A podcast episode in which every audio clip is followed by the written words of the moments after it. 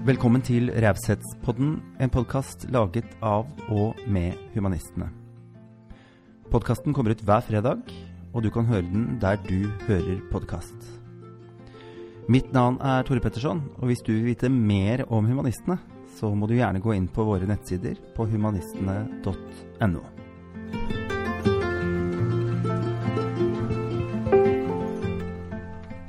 I studioet vårt i dag så kommer det en kvinne som jobber for fremtiden vår, nemlig barna. Som generalsekretær i Foreningen Voksne for barn jobber Signe Horn for barns psykiske helse ved å redusere tabuer, utestengning og mobbing. Og siden vi i Humanistene også er veldig opptatt av barna, fremtiden og rettferdighet, så blir det veldig fint å få ta en prat med Signe Horn. God fornøyelse.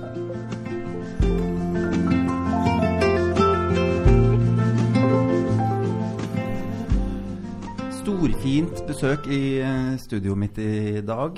Selveste generalsekretær. Det er jo et, eh, et, flott ord. Og i en organisasjon som har truffet hjertet mitt eh, veldig i mitt, min kopp. Da. Velkommen, generalsekretær i Voksne for barn, Signe Horn. Tusen takk, og utrolig hyggelig å få lov til å være her. Det slo meg liksom en gang at det må jeg i hvert fall få inn. Det er liksom eh, Når man skal snakke om, om, om raushet og det å jobbe eh, for noe. For jeg syns jo det er raust. Det er jo ikke gitt at man skulle gå inn og begynne å jobbe for disse tingene. Det er liksom ikke det, La oss si det på en annen måte, det er ikke alle som gjør det. Så, så, det er jo på en måte et valg man tar. Ja, det er et valg man tar. Og så tenker jeg at uh, jeg har gjennom et langt liv jobba med utrolig mange forskjellige ting. Men det går en slags rød tråd gjennom det fra uh, det jeg var opptatt av da jeg var uh, ganske ung, og, og mitt politiske engasjement, og til det jeg nå driver med. Mm. Og det er altså virkelig et privilegium å få lov til å holde på med det. Og dagene er nesten litt for korte til å liksom gjøre alt du har lyst til å gjøre. Jeg lurer på om vi skal starte litt med å fortelle om deg. For jeg, jeg skulle jo inn, og, og, eh, du er jo fra samme sted som meg. Det syns jo jeg er uh, litt ekstra hyggelig, da. Um, da kommer vi liksom fra de samme røttene, på en måte. Vakker natur og, og i Lier. Men så skulle jeg researche litt, for det er jo å finne litt ut om ting. Og der dukket det opp mye. Så du har jo ikke Jeg vil ikke si du har kjeda deg. ikke kjeda meg, og har nok hatt en sånn eh, lyst til, eller utålmodighet eh, til, når ting har blitt en vane, ja. til å hoppe på nye ting. Så lurt. Ja, egentlig. I gamle dager vet du, så var det et mål at du skulle få gullklokka. Ja. Du skulle være på det samme stedet, og det var liksom adelsmerket. Men så tenkte jeg at det, det er helt unødvendig. Man må være et sted der man brenner så mye at man klarer å gjøre en forskjell. Og når du ikke gjør en forskjell lenger, da skal du gjøre noe nytt. Ja, nei, for jeg tenker jo gullklokke det, jeg, vært, jeg, holder jo mye foredrag rundt omkring og møter jo noen av de som er litt sånn det skal ikke skje noe nytt her før jeg pensjonerer meg om 20 år. Altså, at, de, at det stagnerer jo gjerne litt òg. Jeg tenker det der å holde engasjement, i hvert fall når du jobber med noe som engasjerer deg. Da. Jeg lærte et nytt uh, ord her om dagen som var 'jobby'. At man må skaffe seg en jobb som blir en hobby, eller en hobby som blir en jobb. Altså det der med å holde på med det man engasjerer seg i. Men kan du ikke fortelle litt? Ta meg litt gjennom eh, de valgene du tok. Du bør ikke ta alt, men jeg tenkte da kan heller du ta ut det du syns er viktig, da. Eh, du sa det jo selv, jeg kommer fra samme sted som deg, Lier. Mm. Eh, og da nærmer vi oss enda mer noe som heter Sylling og et sted som heter Øverskogen. Og du oppdager nok ikke helt at du har vært der før du har kjørt igjennom. og det var et eh, bondesamfunn, og hvor ja, rammene for hvordan man skulle være, og det tror jeg du også kjenner deg igjen i oh, yes. De var ganske firkanta. Var du liksom eh, flink jente, så var det litt opplagt at da skulle du bli sykepleier. Det var liksom det var målet, og så langt du skulle strekke deg. Ja. Så hadde jeg en uh, farmor som var Hun gikk på ski med bukser og var ganske radikal, uh, i hvert fall da hun var yngre, ikke da hun ble eldre. Men hun sa at uh, stekefisk og kokefisk, det kan man alltid lære seg. Kom deg ut i verden. Så fantastisk. ja. Så det var hun som pusha deg, liksom? Ja, absolutt. Mm. Uh, hun var helt utrolig. Mm. Hun lærte meg alt fra om de puniske kriger til suffragettene og til å lese Bjørnson. Alle dager. Ja. Og det var ikke så vanlig, men det ga meg jo lyst til å se noe annet enn det som var de rammene rundt meg. Og så tenker jeg at ganske tidlig så var jeg opptatt av at det er forskjell på folk. Uh, og de forskjellene de gjør at noen får utrolige muligheter, og noen får ingen muligheter i det hele tatt. Mm. Og det tenkte jeg det var ganske urettferdig. Ja. Så derfor så tenkte jeg hva gjør jeg nå? Så dro jeg til Bergen og studerte statsvitenskap, og så jobba jeg i noen år i departement. Um, du er kan politt? Kan polit, eller som faren min sa, kan pilot. Uh, same, same, but different. Ja, I statsvitenskap. Mm. Og det er et fint studie. Uh, det er undervurdert i dag. Ja. Fordi du lærer noe om de rammene du lever innafor.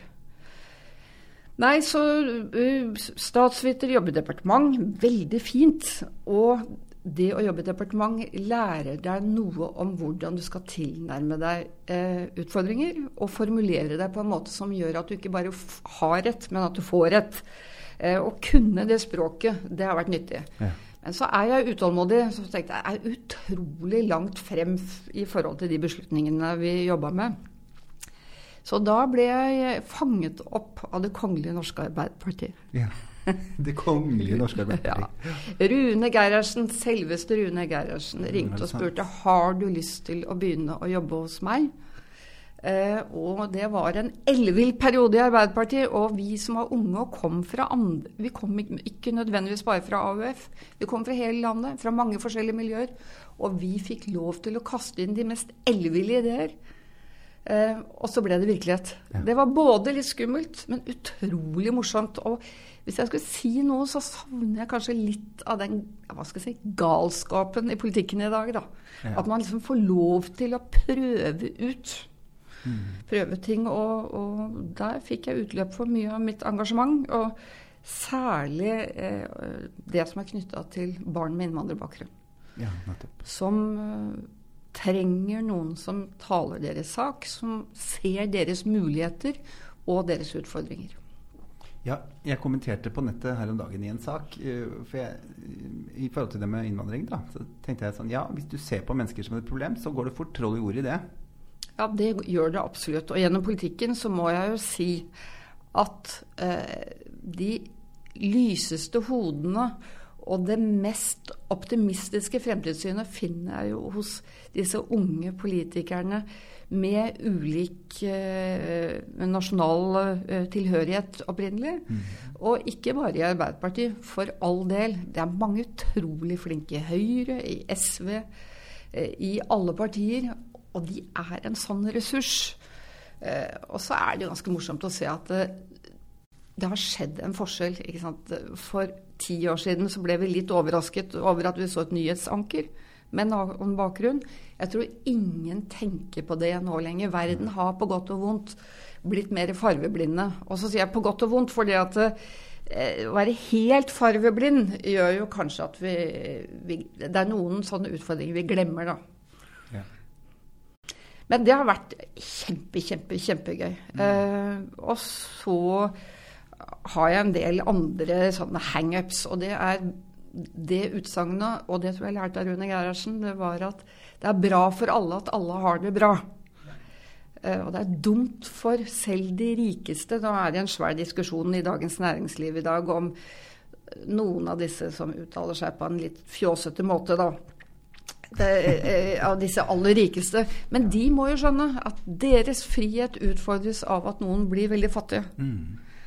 Du kan ikke ha ti låser på døra di eller ti meter høye gjerder. Det gir deg ikke et godt liv og en, en frihet du fortjener. Nei. Derfor er det bra for alle at alle har det bra. Veldig fint. Det tar meg litt over, for jeg hadde tenkt å spørre deg om hva er du mest opptatt av akkurat nå? Det kan jo kanskje være en annen ting da, enn det du sa akkurat nå. Men hva, liksom, hva brant du for når du sto opp i dag, liksom? Eller i den siste uka eller måneden? Eller? Akkurat i dag så sto jeg kanskje opp og tenkte at uh, disse uh, som har dette rikingnettverket som Dagens Næringsliv har vært utrolig gode til å avsløre. Deres menneskesyn overrasker meg. Dette er velutdannede, bra folk, egentlig. Men hva er det de lever de Jeg tror det er de som lever i en getto, men jeg skal ikke henge meg mer opp i det. Det som, som jeg er utrolig opptatt av, det er at vi kan ikke tillate oss at forskjellene øker. Nei.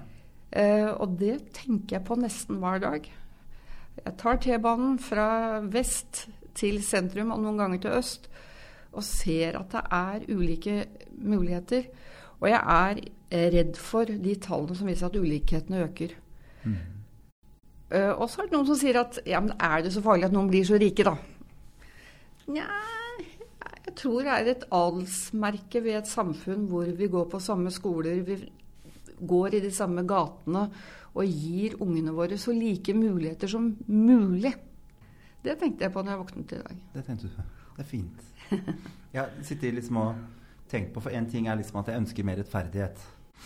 Um, og vi humanistene jobber jo på en måte for et mer rettferdig samfunn. Men så hadde vi et møte nå hvor vi byttet om på det og sa vi vil heller jobbe mot urettferdighet. For det blir på en måte litt to forskjellige, to forskjellige ting. Fordi rettferdighet er på en måte kan være så mange ting. Mm. Mens urettferdighet, det er den følelsen du har fra du er bitte, bitte Vi lærer det så tidlig. Vi lærer det fra bitte små. Dette føltes urettferdig. Hva er, det, hva er urettferdighet for deg, liksom? Ja, det, jeg kommer tilbake til at det er urettferdig at noen barn får så mange muligheter, og noen får så få. Eh, hvis jeg kan liksom hoppe litt over til mitt andre engasjement, da, som innimellom er å være litt politisk engasjert, og jeg sto på Vinneren, som er et et sted med folk med ganske god råd. Det er mye murer. Det er mye murer ja. og mye tujahekker. Ja. Uh, og da var det noen små gutter som uh, liksom sa Du damen, er, kommer du fra det derre misunnelsespartiet? um, og ja. så prøvde, begynte vi å diskutere, og så sa jeg det er ikke litt urettferdig at du får hjelp til leksene dine, at du får eh, lov til å gå på, på, tennis eller fotball eller på dans eller hva du vil, for jeg tror ikke du betaler det av dine egne penger. Nei. Og at noen som er like gamle som deg, som bor litt annet sted i byen, at de ikke får hjelp til lekser, og de får ikke penger til å gå og trene, og de har ikke så mye å gjøre på fritiden. Tror du at de klarer seg like godt som det du gjør? Nei, det trodde han ikke. Og da sa han ja, jeg er egentlig enig, det er litt urettferdig. Det, og det er urettferdighet. Men hvordan når man ut med denne informasjonen da? Jeg tenker jo Denne diskusjonen burde jo vært tatt i skolen, da, hvis jeg skal være helt ærlig. At det, dette var en diskusjon de burde ha hatt tidligere. Nå vet ikke jeg hvor gamle disse gutta var, selvfølgelig. Men... Ja, de var kanskje åtte-ti år.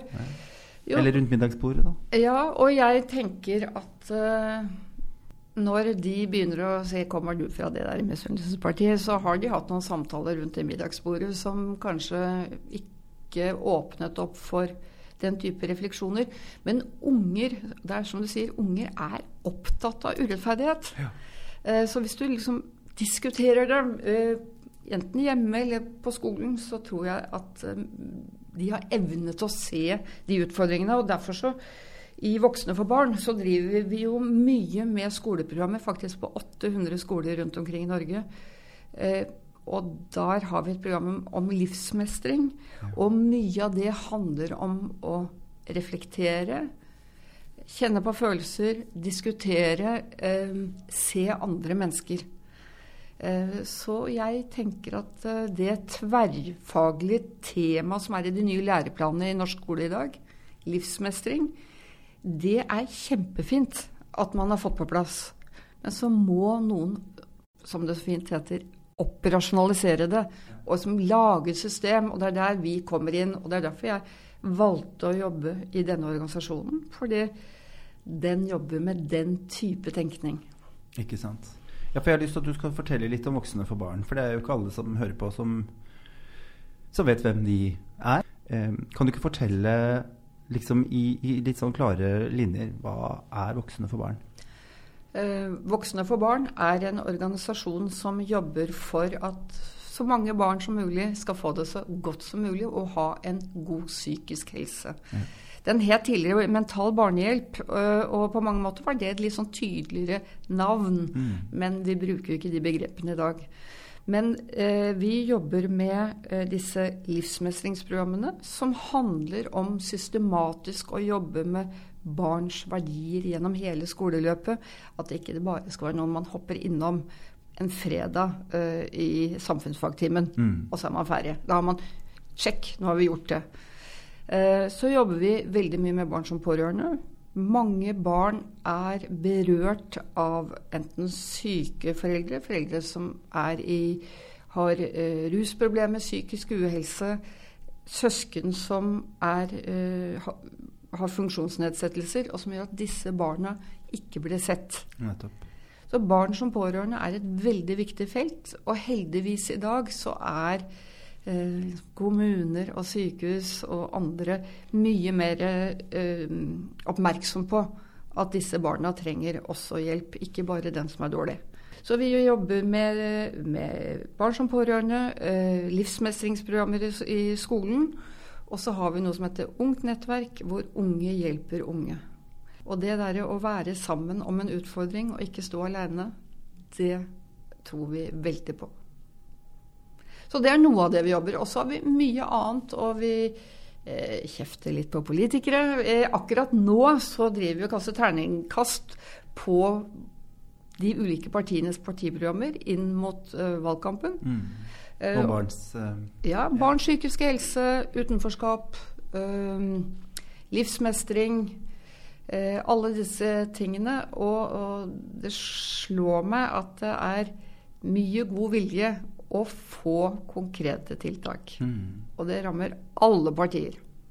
Jeg hadde en samtale med Marco El Safadi, som hadde snakket med en rektor som sa at eh, livsmestring føltes ut som å få beskjed om at du skal komme deg til månen og tilbake igjen uten tegning på hvordan du skal bygge en rakett, og ingen penger. Skjønner du den ja, vi, altså det, er jo, det er en så utrolig god beskrivelse av akkurat som vi eh, kjenner på det. Og det er at eh, man har laget et livsmestringsprogram. Og så forlanger man, eller forventer man, at skoler og eh, skoleeiere og lærere og rektor skal klare å gjennomføre det og få ungene til å bli enda bedre på å mestre sitt eget liv. Mm. Men det ligger jo ikke noe verktøy der. Og det er det vi jobber med. Eh, og det er det vi tilbyr, og det er det vi som frivillig organisasjon um, bidrar til.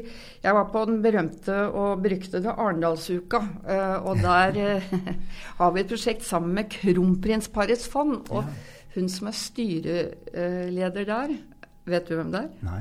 Nei, Det ville du aldri tenkt deg. Ikke jeg, ikke jeg heller. Og det er Kristin Halvorsen, som ja. jo er gammel SV-politiker ja. og eh, republikaner. Mm. Eh, men eh, hun syntes det er fint å være styreleder her. Og da fikk hun et spørsmål, og det var Syns du ikke det er problematisk at skolene trenger bistand av frivillige organisasjoner for å gjennomføre denne type viktige tiltak? Ja, ikke sant.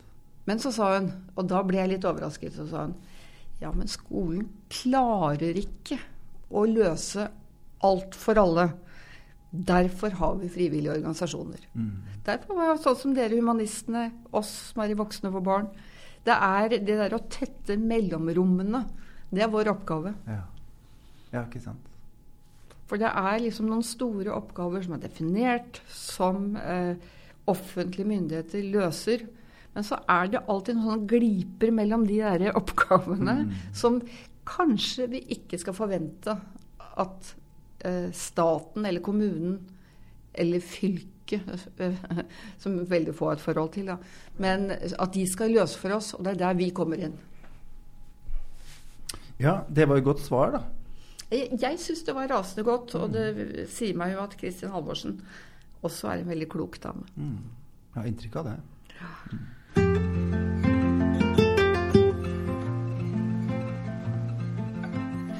Vi har valgt å kalle denne podkasten for Raushetpodden eh, fordi vi ønsker å skape en, et rausere samfunn.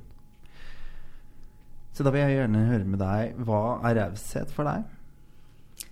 Ja, Det gikk jeg og tenkte på på vei hit. Og så må jeg innrømme at jeg googla det litt og liksom sett hva andre sier og sånn. Og så tenker jeg eh, Jeg var ikke raus i dag tidlig når jeg var så sinna på disse rikingene som sa så mye dumt. Det var veldig lite raust. Ja. Eh, men det, å forsøke å se de andres perspektiv når du har så innmari lyst til å uh, fortelle hva du, hva du selv syns er riktig og klokt. Mm. Det er jo ytterste forstand raushet. Hvis man klarer å Og jeg er veldig dårlig til det, merker jeg. Men uh, hvis man noen gang klarer å holde kjeft da, og høre hva den andre sier Det er én Vi kommer tilbake til politikken, da. Men jeg eh, tenker at det er én politiker jeg eh, tenker er ordentlig raus. Kom fra et parti jeg ikke nødvendigvis alltid er veldig enig i, men Knut Arild Hareide er den rauseste politikeren vi har. Ja. Han forsøker alltid å høre etter. Også derfor så ramler han litt gjennom i sånne krangledebatter. Mm. Men han hører etter og snakker aldri nedlatende eller eh, dårlig om andre. Så hvis jeg tenker på raushet, så tenker jeg at vi har en som evner å leve etter det idealet, da. Ja. Så raushet er det derre av og til å klare å se andres perspektiv. Og så er det selvfølgelig et raust samfunn at vi klarer å se alle menneskene som bor her. Det er klart at for vår foreldregenerasjon å se et helt annet samfunn med helt annen befolkningssammensetning. Mm -hmm. Vi kommer fra hele verden. Uh, vi, vi, har han og hun og hen. Og uh, vi har ulik seksuell legning. Uh, kvinner som vil opp og frem. Og, og, liksom ta seg tid til å tenke at det er fint, ikke bare et problem. Mm. Det er også raushet. Ja, veldig fint. Er du like raus mot deg sjøl? Det, nå måtte jeg tenke litt. Uh, det er alltid veldig gøy å stille det spørsmålet. Alle blir sånn Oi, skal jeg snakke om Oi! Den veien, ja. ja. Ja og nei, vil jeg si. Altså, jeg er jeg tenker ubeskjeden nok, så, så, er jeg ganske fornøyd med mye av det jeg har fått til. Mm. Uh, og så har jeg jo en, en slags selvinnsikt som sier meg at uh, noen sider ved meg er jo ikke uh, like sympatiske. Alltid. Nei. Du har mørke sider, du òg? Absolutt. og jeg tenker alle de gangene man har snakket om folk som har gått ut av rommet, mm. og så må man tenke at de sier sikkert noe om meg også når jeg går ut av rommet. Nei, for um, Jeg har lyst til å uh, snakke om, litt om oppdragelse. Jeg er jo litt opptatt av det. Um, og for deg som jobber med dette hver dag, jeg tenker du, du pløyer gjennom Jeg prøver å få med meg mye, men du er på en måte sitter i en annen, annen posisjon. så du har jo et plikt til å komme deg gjennom mye også. Hva tenker du liksom ja, Ulemper og forlemper med, med foreldregenerasjon? Ja, hva, liksom, hva, må man passe seg litt for, og hva har blitt veldig mye bedre? Har du noen tanker om det? Uh, altså, At verden går fremover, mm.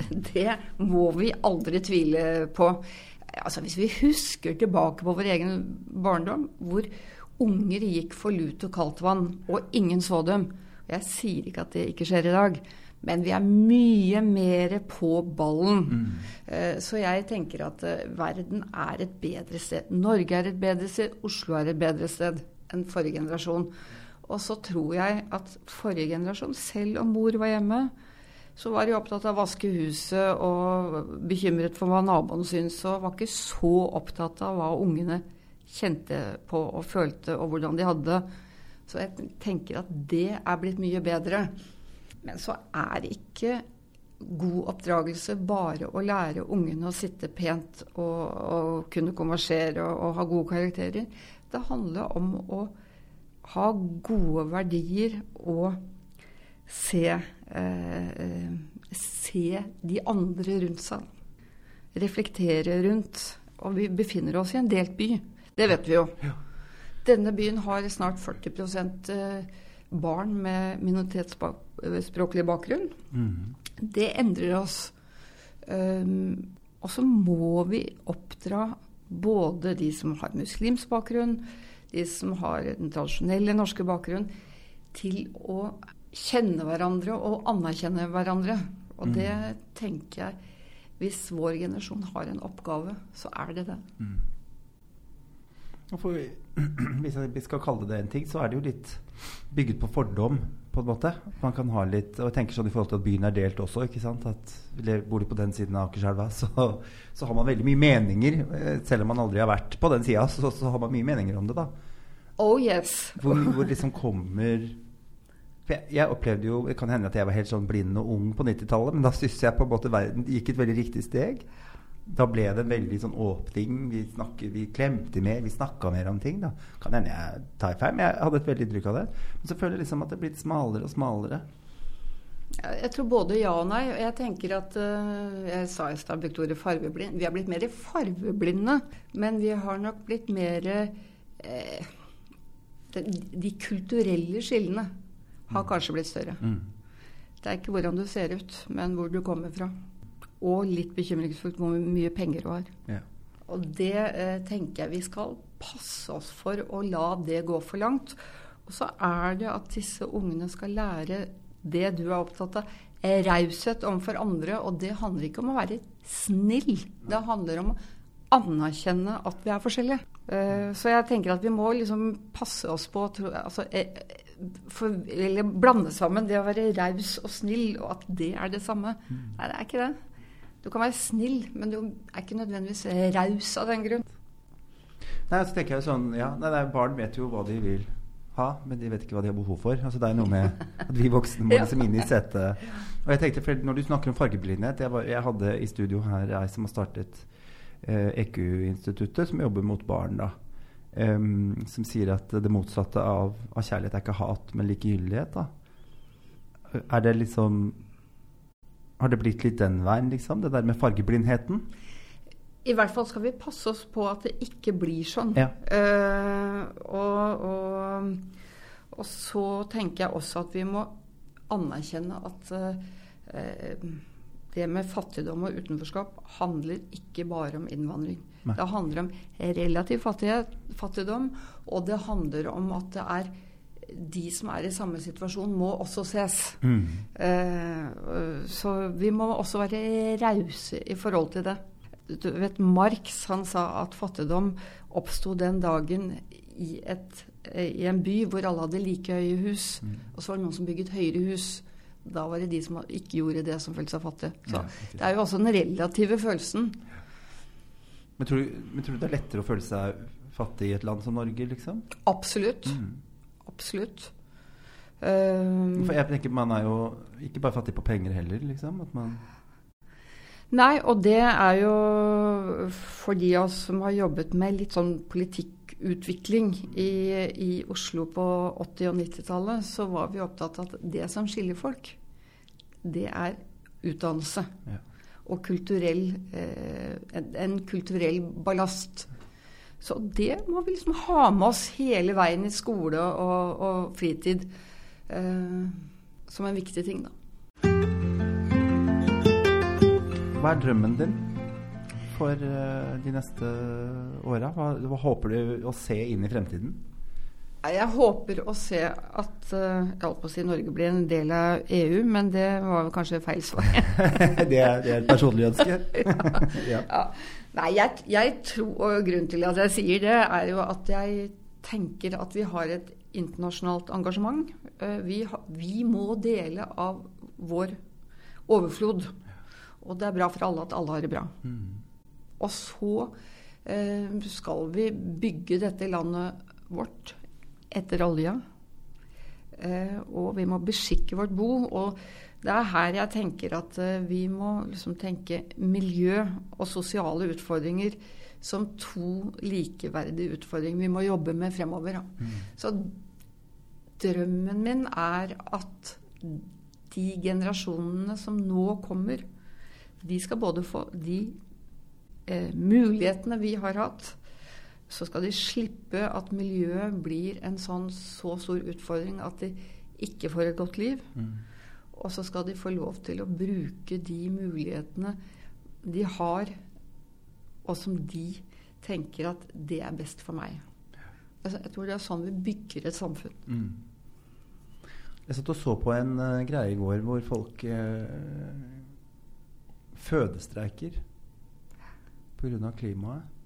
Drar vi det for langt, eller drar vi det for kort?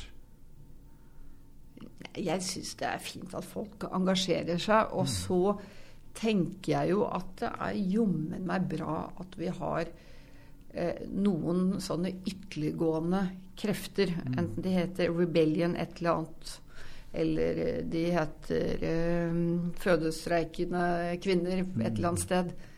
Det er jo det som Det er jo liksom i det derre hivet at vi utvikler samfunnet. Hvis du mm. sitter og er litt sånn hvis vi bare har et land av folk som er veldig med Høyre og Arbeiderpartiet, som egentlig liksom Ja, ja, vi beveger oss et skritt frem og et skritt tilbake, og så holder vi på å surre rundt. Vi må jo utfordres. Mm. Så du liker, liker, at det rives opp litt? Ja, vi må jo ha litt, vi må jo ha litt hiv, og vi kan ikke være enige om alt. Nei. Da utvikler vi jo ingenting.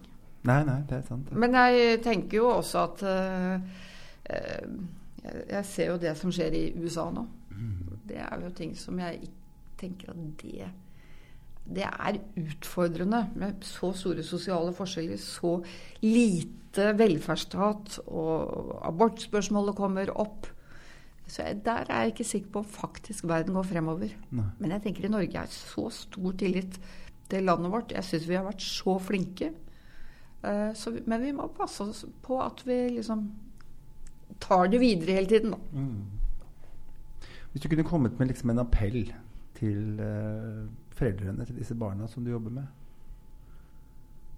du har, kanskje, du har jo sagt litt om det, men De som sliter, tenker du på? Eller de, de, eh, de Foreldre, altså Foreldregenerasjonen nå? Uh, hvis jeg skulle si noe uh, om foreldregenerasjonen, så er det punkt én Vær ganske godt fornøyde med dere selv. Dere er den generasjonen foreldre som gjør det aller best gjennom hele historien. Dere setter ungene deres i, eh, i sentrum. Dere bruker tid på det, dere bruker ressurser på det. Så på den ene siden, slapp litt av. Dette går bra. Uh, og folk er jo så flinke. Um, og så tenker jeg, lær ungene dine å være rause i forhold til verden rundt deg. Mm. Og se at det at andre ikke lykkes, kanskje er pga. at de ikke har fått de samme mulighetene som deg selv. Hvis du klarer den erkjennelsen, eh, så tror jeg vi har kommet ganske langt. Altså. Mm. Fin uh, oppfordring. Og jeg syns jo også det er fint å Disse foreldrene får mye kjeft. Uh, av meg inkludert, uh, av og til. men, men, jeg også tenker jo det at, eh, at uh, hver generasjon tar med seg noe nytt som er bra. Og så blir kanskje ikke steget så stort som det man håpet på når man selv var ung, mm. men, men, når man ser utviklingen, så er det jo mm. Syns du uh, vi jobber riktig i forhold til mobbing? Er litt usikker, rett og slett. Eh, fordi jeg tenker at sånne korte mobbeprogrammer har ganske lite effekt. Det handler om utrolig hardt arbeid over utrolig lang tid. Eh, og så handler det om å se den som blir mobba, men det handler også om å se de som mobber. Mm. Eh, og det er litt morsomt at du tar det opp, for i min jobb da, i Voksne for barn så har vi noe som heter supportgrupper i skolen, mm. som er et mobbeprogram, men hvor man eh, prøver å sette disse barna sammen og gi de som mobber, et ansvar for å se fremover og muligheter. Mm. For det hvis du liksom demoniserer disse barna, da, kommer vi noen vei da? Det er jeg usikker på. altså. Mm. Så jeg tenker at uh, vi kommer aldri til å gjøre nok. Nei. Jeg tror bare det er å fortsette og fortsette. Og så prøve litt forskjellig, men erkjenne at dette er langsiktig arbeid som tar innmari lang tid. Og orke å stå i det.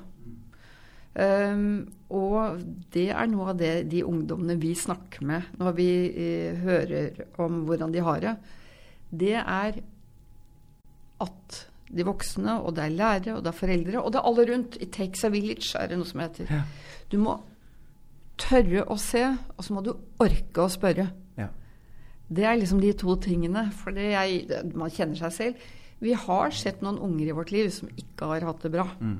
Uh, og som du tenker Skal jeg ta det opp? Nei, jeg har ikke så lyst. Eh, og, de, og jeg har snakket med lærere, og de sier Skal jeg tørre å se, og skal jeg orke å ta det opp? Det er liksom de to spørsmålene. Det koker ned til hver gang. Og det er det de ungene som ikke blir sett, ikke blir hørt, og som blir mobba Jeg vet ikke om du liksom kjenner igjen noe av det der. Jo, absolutt. Var det noen som så det? Mm. Ja, det var det jo. Men var det noen som stilte spørsmål? Det var det jo svært få. Ja.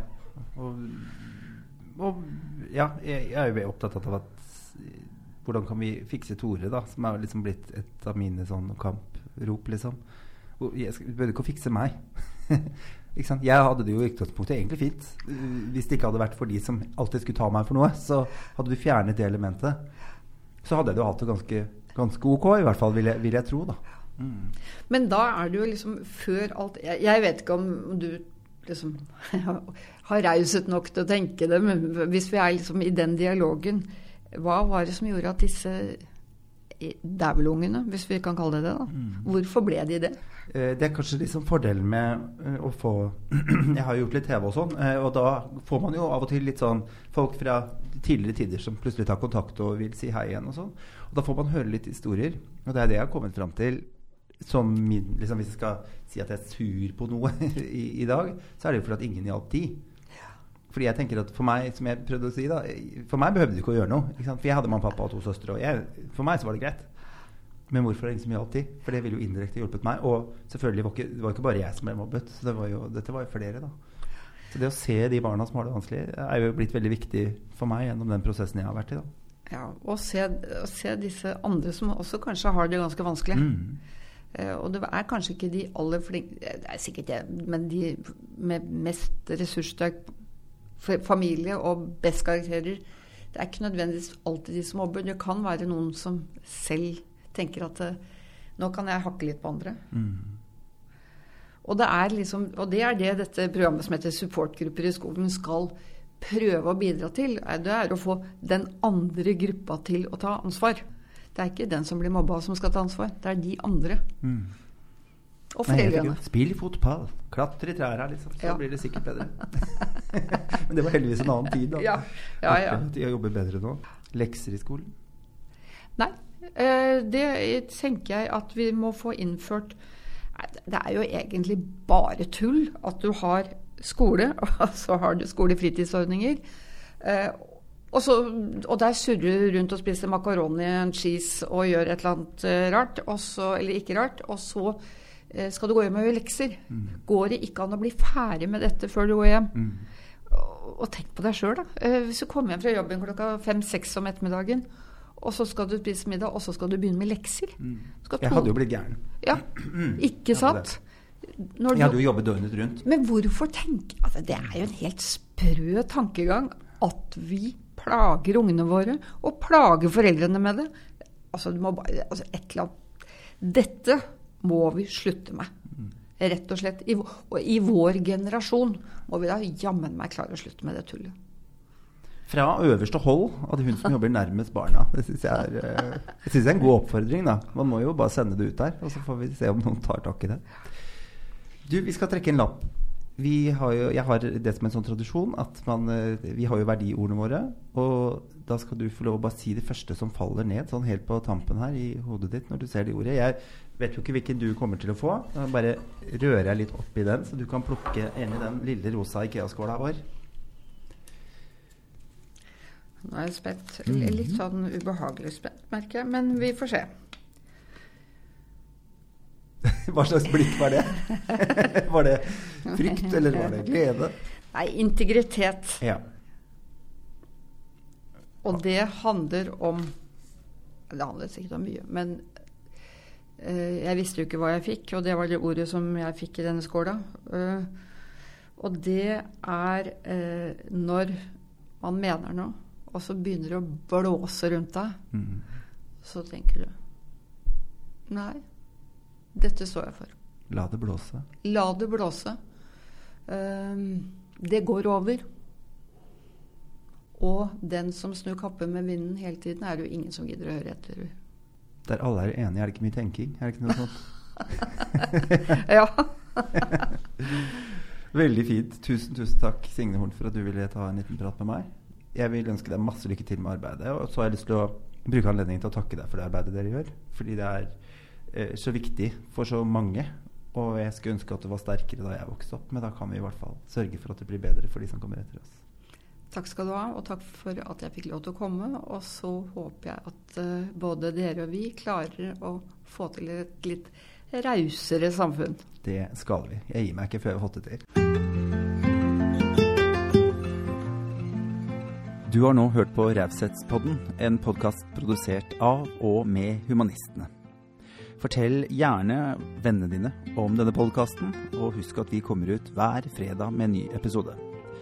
Mitt navn er Tore Petterson. Tusen takk for at du hørte på.